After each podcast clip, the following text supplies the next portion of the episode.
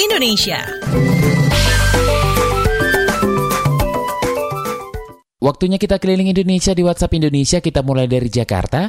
Indobarometer perkirakan terjadi ledakan kasus COVID-19 selama masa pilkada. Selengkapnya dilaporkan reporter KBR Mutia Kusumawardani. Selamat pagi. Selamat pagi. Lembaga survei Indobarometer memperhitungkan akan ada bom atom kasus COVID-19 pada masa pilkada. Direktur Eksekutif Indobarometer M. Kodari mengatakan pada masa kampanye saja pilkada berpotensi menciptakan titik kerumunan. Ia menjelaskan apabila jumlah paslon sejumlah lebih dari 700, maka akan ada hampir 1.500-an calon dengan asumsi tiap calon kampanye. Rapat umum, temu terbatas di 10 titik per hari dalam 71 hari, sehingga akan menghasilkan 1 jutaan titik penyebaran COVID-19.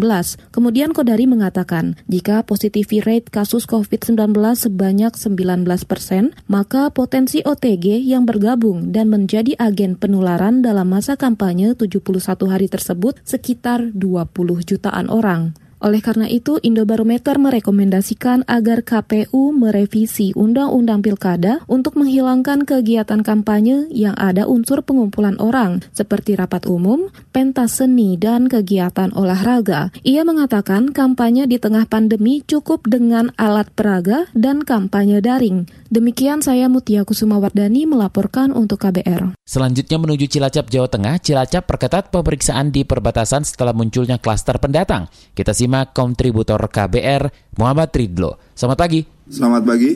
Gugus Tugas Percepatan Penanganan COVID-19 Kabupaten Cilacap, Jawa Tengah memperketat pengawasan perbatasan untuk mengantisipasi kepulangan perantau dan pendatang seturut munculnya klaster baru COVID-19 yang semula ditularkan oleh perantau pulang kampung.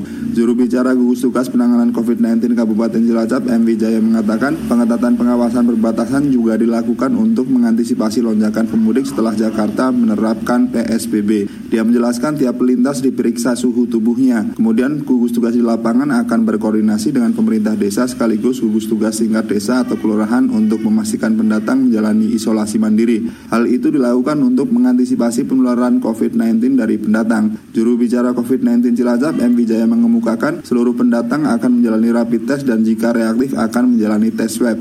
Tes untuk para pendatang dilakukan untuk mengantisipasi penularan COVID-19. Demikian saya Muhammad Ridho melaporkan untuk KBR. Masih dari Jawa Tengah kita mampir Solo untuk mengetahui soal sanksi bersihkan sungai bagi pelanggar protokol kesehatan.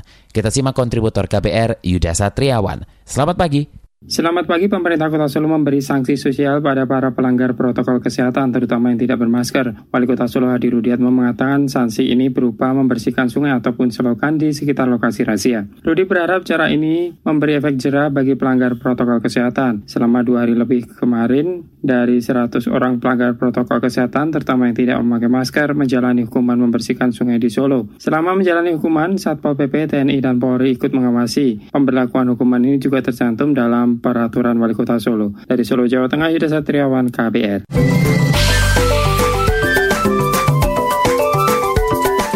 WhatsApp Indonesia.